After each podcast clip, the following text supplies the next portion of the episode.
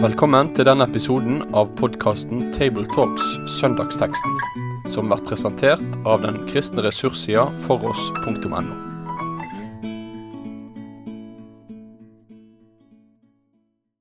Vi skal lese den søndagens tekst for 27. august, og den står i Efesbrevet 2, vers 1-10. Og så skal vi snakke litt sammen om den etterpå. Også dere har han gjort levende, dere som var døde ved deres overtredelser og synder. I disse vandret dere før på denne verdens vis, etter høvdingen over luftens makter, den ånd som nå er virksom i vantroens barn. Også vi vandret alle blant dem i vårt kjøds lyster, og vi gjorde kjødets og tankenes vilje. Vi var av naturen vredens barn, liksom de andre. Men Gud, som er rik på miskunn, har, på grunn av sin store kjærlighet som han elsket oss med, gjort oss levende med Kristus vi som var døde våre overtredelser. Av nåde er dere frelst. Han oppvakte oss med ham og satte oss med ham i himmelen, i Kristus Jesus, for at han i de kommende tider kunne vise sin nådes overveldende rikdom i godhet mot oss i Kristus Jesus. For av nåde er dere frelst ved tro, og dette er ikke av dere selv, det er Guds gave. Det er ikke av gjerninger, for at ikke noen skal rose seg. For vi er Hans verk, skapt i Kristus Jesus til gode gjerninger, som Gud forut har lagt ferdige for at vi skulle vandre i dem. Dette er en tekst med en kolossal spennvidde, tenker jeg. I, fra død til liv, Guds vrede, Guds kjærlighet ikke av gjerninger, men av rein nåde. Vantroens barn, troens barn. Ja. Ja, og det er jo i en sammenheng med Feserbrevet kolossalt eh, stor rikdom av tanker og perspektiver. Og hvis en tenker på det som står i kapittel, kapitlet foran, så er det jo en av Bibelens lengste setninger, de første 14 versene, som vi har kortet inn. Men så er det også dette med Guds veldige kraft som oppreiste Kristus fra de døde, i slutten av kapittel 1. Og alt la han under hans føtter, står det i 22, vers 22. Og det er mystiske, store kategorier. Vi fatter ikke nesten dette. Og så kommer det da i kapittel 2 også dere. Så kommer da en anvendelse rent personlig av dette. Ja, det er Kristi død og oppstandelse og himmelfart og store makt som vi kobles til. da.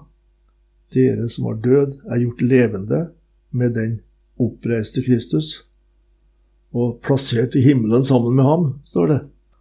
Det er sterke ord.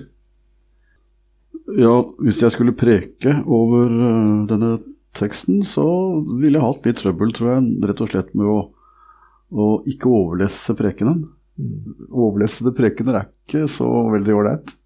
Da kan folk få litt mer bagasje med enn de helt klarer å, klarer å holde orden på.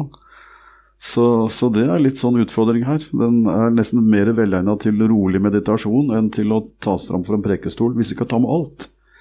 Hva ville du valgt hvis du skulle preke? Nei, altså, jeg tror jeg kanskje ville valgt uh, uttrykket 'levende med Kristus', og ha det som hovedsak. Og så uh, må vi da både ta premissen og konsekvensen av det som dere allerede har vært, uh, vært inne på. Jeg har jo, har jo, fått med meg at, og det har sikkert dere også sett, at Paulus han er veldig glad i uttrykkene 'i Kristus, med Kristus'. Altså Så vidt jeg vet, så bruker han sånne uttrykk mer enn 60 ganger. To av tre ganger slike uttrykk brukes i Bibelen, så er, eller NT, så er det Paulus som bruker dem. Så det er i Kristus, med Kristus, er, det er liksom kjerneordene som Paulus elsker. Så jeg tror jeg ville begynt med det, og så sagt at her ligger hemmeligheten i evangeliet alle tider. I Kristus, i, i Han, med Han. Og så ville jeg bygd rundt det og prøvd å få til en struktur, da. Kanskje det hadde gått. Og der er det jo det viktigste poenget med i og med Kristus, det er jo Kristi død, oppstandelse yes, og himmelfart. Så, så knytte dette sammen, da. Ja, det, jeg hadde gjort et forsøk på det. Hadde Ja, og så er det jo et veldig spekter her av, av uh, forskjell mellom det å være Kristus og det å være i verden og dø i syndene osv. Altså, I vers 1 så sier han det fine med at vi har gjort levende Kristus. Men vers 2 til tre 3 er jo veldig dystre, kan du si, og skildrer hvordan vi ligger under de mørke kreftene, verden, djevelen, eh, onde eh, lyster, eh, vers 2 og 3. Og dette er sider som ikke er så lett å snakke om, og som eh, kan misforstås, for eh, ikke-kristne mennesker er jo ikke banditter og stygge. Vi møter jo veldig mange hyggelige hverdagsmennesker, men her har vi Guds øyne som ser på oss, og som ser hvor fortapte vi er i oss selv. Paulus kommer tilbake til dette senere i Efesbrevet òg, kapittel 4 f.eks. Og vi kan ikke underslå det, men da blir jo herligheten i Kristus desto større. Det er veldig viktig at uh, hvis ikke en maler de, bruker de mørke fargene, så blir heller ikke det lyse lys nok. Uh, jeg husker fra min oppvekst da, så var det predikanter som med utgangspunkt i starten av Efeserbrevet taler om tre fiender. Djevelen, verden og vårt eget kjød. I tillegg så kommer jo dette altså faktisk med Guds vrede, da, som ikke tåler synden, og som gjør at vi er døde i våre misgjerninger og synder. Så det er et veldig mørkt bakteppe her. Ja, det er det. Og i en tid, det er ikke bare nå forresten, men hvor eh, ikke alle syns det er like kjekt å snakke om både fortapelse og, død og dom, så har vi altså en tekst som eh, vi får veldig trøbbel med hvis vi skulle gjøre evangeliet til et ord kun om at Gud er grei, eh, og at alt går greit. Da, da må vi luke ut veldig mye, i, også i Efeserbrevet, og ikke minst her. Men jeg opplever det sånn at ved å vise til hva som jeg frelses fra, så blir frelsen stor. Hvis evangeliet er en selvsagt ting som jeg bare kan ta imot uten noe som helst bakteppe, ja, så er det knapt noe evangelium. Da er det bare en bekreftelse på mine forventninger. Evangeliet er det uventede, som jeg syns blir mer og mer vanskelig å tro, jo mer jeg forstår hvilken Gud jeg har med å gjøre. Ja, Det er fantastisk, det der i vers 4, syns jeg. Men Gud. Altså Det kommer et vendepunkt her i teksten som, som er, og, og som går, har sammenheng med Kristi død og oppstandelse. da. Men Gud, og det er i en ufattelig kjærlighet. Han er rik på miskunn, og på grunn av sin store kjærlighet, og hva brukte han kjærligheten med? Jo, han elsket oss med den.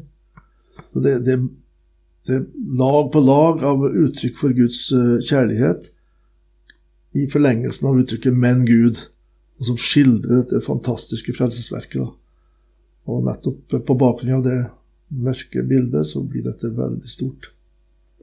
Ja, Det er jo typisk at Paulus, når han nevner Gud og Kristus, så må han nesten alltid følge på et eller annet rik på miskunn, full av barmhjertighet og nåde. Så det, det svulmer over av godhet tvers igjennom dette. Eh, Så det er jeg imponert over. Men vi er av naturen vredens barn, eller under Guds vrede, liksom de andre. altså Det må vel bety hedningene. Så vi har denne onde natur foran oss, eller bak oss og i oss. Men likevel, som du sier, men Gud, vers 4, er rik og har gjort noe radikalt i våre liv. Starter med 'også dere'. Det må da være hedningekristne. Også vi. Det er jødekristne.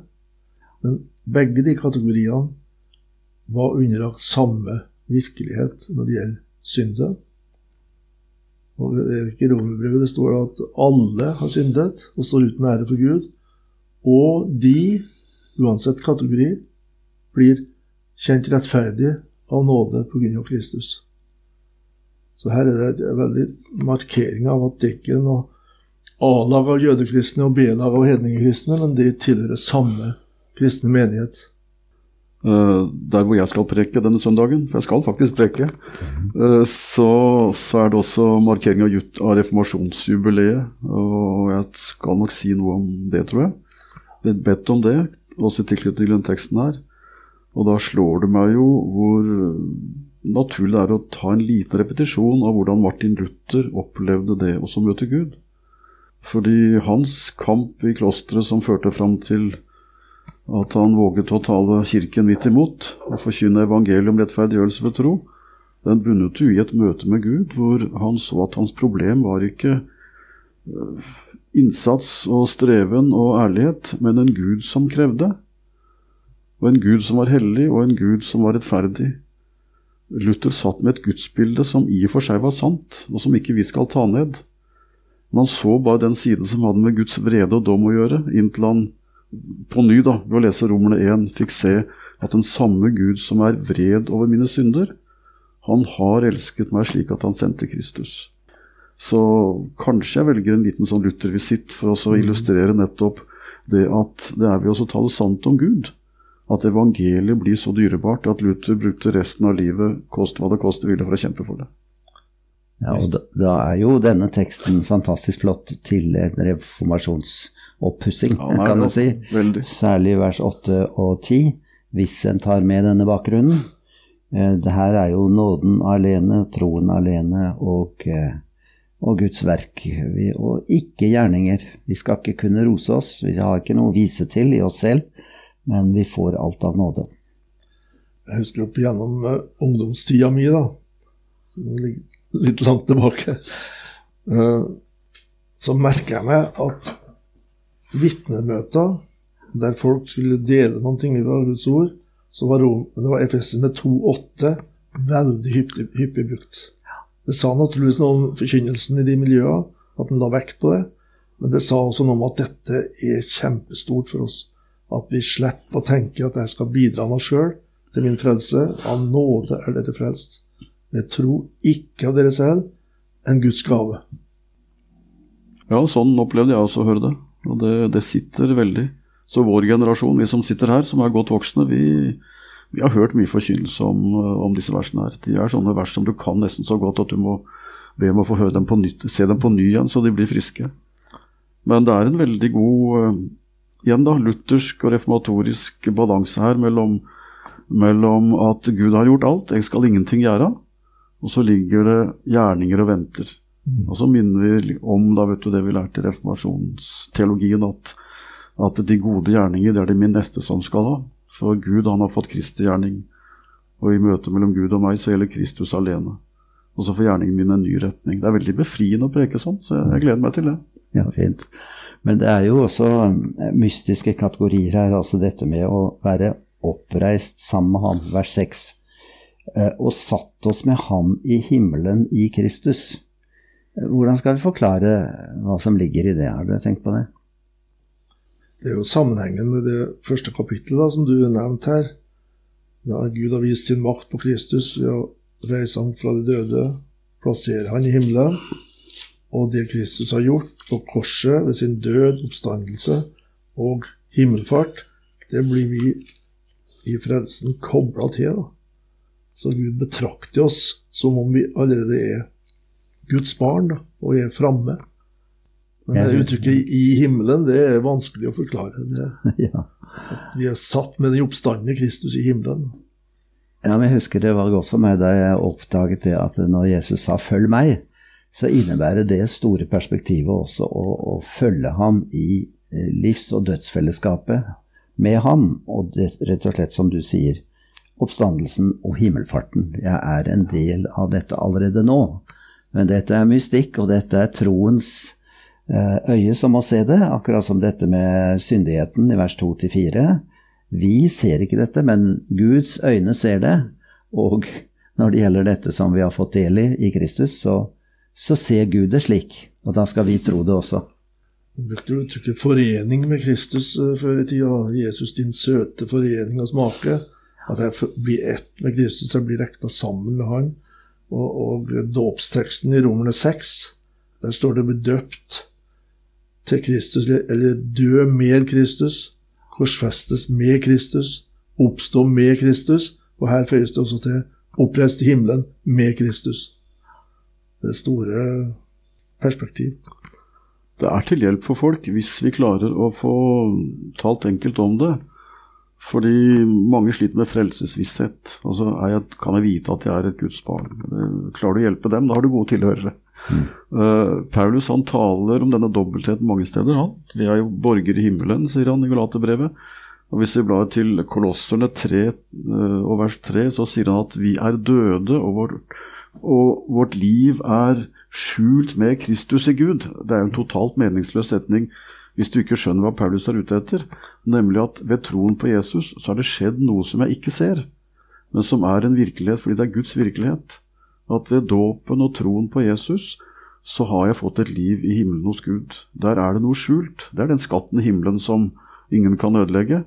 Eh, jeg har fått et liv, og det gjelder allerede nå. Så når det skifter her, og dagene går opp og ned, og det skifter og motet svikter, så vet jeg at det som gjelder i himmelen, det er at der er jeg plassert med Jesus. Så hvis vi kunne klare å tale sånn at folk får hvile i at med skiftende vær her nede, så er det stille der oppe, og motgang og tvil møter, så gjelder det Jesus har gjort, så kan vi hjelpe dem veldig til den vissheten. Og nå, bare for å si det til slutt, så, så er det klart nå nærmer jeg meg den overleste preken allerede, hvis vi kan med alt det her. Men det kunne vært fint å fått med også det. Hjelpe noen av dem som sliter med frelsesvissheten, og nettopp tale om at vi er satt med Kristus i himmelen. Det hjelper godt. Det er jo også et poeng kanskje å plassere teksten i lys av det som kommer etterpå. Asbjørn tok fram kapittel 1, men i slutten av kapittel 2 det er en veldig sterk forkynnelse av Kristi kors, som eh, er clouet i Kristi legeme, ble vi ved korset forlikt med Gud. Fiendskapet er opphørt. Fiendskapet er drept. Vi er tilgitt alle våre synder. Det er ingen vrede hos Gud i møte med oss fordi at vi har del i Kristus. Det er veldig viktig tror jeg at folk som uh, kjemper med, med, at de sliter med synder og fall og nederlag, at de får høre dette her. Ja, og stadig minne om at det viktigste, det kan vi ikke se med vårt blotte øye, men vi må tro det. Og allerede første setningen her er jo altså også dere er gjort levende. Altså dere har fått et liv tilregnet som er annerledes enn annet liv og til forskjell fra denne verdens mennesker som ikke kjenner Jesus. Og dette er radikalt, og det skal dere få tro. Om dere ikke ser det, så har dere fått det nye livet i ham. Så er det fortid, Asbjørn, sånn som du leser. Har fått, er gjort. Det betyr altså at Gud har gjort det. Det er ikke ting som skjer gradvis så lenge jeg får bonus på min innsats. Men dette er en, en gave. Fullt og helt. Jeg får hele Jesus, hele frelsen, ved troen. Og så skal jeg leve der og vokse men det, det, betyr ikke at frelsen blir større, at jeg blir mer og mer from i den betydning. Så det er viktig, det som du nå leste, er fått, er gjort, er gitt. En innfallsvinkel til slutten av teksten vår her, det er jo forholdet tro og gjerninger. Som har vært et stort tema gjennom kirkehistorien. Hvordan man skal tilrettelegge dette forholdet. Og nå har vi allerede betona det med troen, at oppover til Gud så er det bare Jesus som gjelder. Men vi er plassert, det står i vers 10, vi er Hans verk, skapt i Kristus til gode gjerninger, som Gud har lagt ferdig for at vi skal vandre i dem. Så vi er plassert som kristne, som tillite mennesker, i en verden med utfordringer. Jeg husker Birger Breivik, som var generalsekretær i NLM i, i mange år siden. Han brukte veldig ofte dette vers 10. Altså han nynorsk.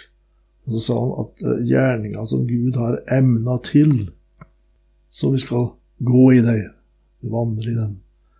Eh, det å tenke sånn om hverdagen sin, altså, at her er det utfordringer fra dag til dag, som jeg som er tilgitt Guds barn av nåde, skal få være fri til å gå inn og se på som mine utfordringer og, og ta det opp. Ja, når du nevner at vers 8 ble ofte tatt fram på vitnemøtene, så er sannelig vers 10 med i konkurransen der. Fordi det er også så flott og innholdsrikt. Og eh, det, det sier jo så flott det at det er Kristi verk. Det er skapt i Kristus. Men det ordet verk, jeg husker også formuleringen til Breivik, emna til, ja. Men det jeg husker fra en annen som pekte på at verk, det betyr et mesterverk. Det er ikke, det er ikke noe hva som helst. Det er, eh, dette er noe som ta, kan hjelpes de som syns at de er ikke noe, betyr ikke noe. Jo, du er hans mesterverk, altså. Og det skal du være takknemlig og glad for. Og du er skapt i Kristus til å leve i det. Det er jo fantastisk hvis det går inn hos oss. Jeg tenkte på hvilke salmer eller sanger som jeg ville ha foreslått hvis jeg skulle ha preika den søndagen her. Kanskje ville det blitt uh, det enda som bærer, for å betone den viktigste sida her, da, starten. Det er Guds nåd, Guds grenseløse nåd, Kristi kors og blodets sikre grunn. Men jammen tror jeg også jeg ville ha foreslått etter preika hverdagskristen vil jeg være. Det er noe, noe flotte uttrykk der. altså Se, der kommer en sjuk og fattig. Der kommer en som spør om råd. Der er en sviken, der er en hatig. Her er nok for offerdåd, sier Mathias Orheim i den salmen. Og det tror jeg er poenget med vers 10. Altså, vi har det. Vi har kalde utfordringen ligger foran oss i hverdagen, som vi skal få gå inn i og virkelig være Kristi vitner. Flotte sanger, det der. Jeg tror hvis jeg hadde hatt frimodighet til å ta med enda et lite poeng, så har jeg lovt meg sjøl at jeg skal være litt flinkere enn jeg har vært før til å minne folk om at de må lese Bibelen daglig. For det vet vi nå at folk gjør mindre enn før, også de som vi trodde gjorde det. Så når det gjelder å følge Jesus i hverdagen, så prøver jeg å si det enkelt sånn at det er to ting som er viktig. Det ene er at du lever i lyset og lever i nåden. Tar imot syndenes forlatelse hver dag.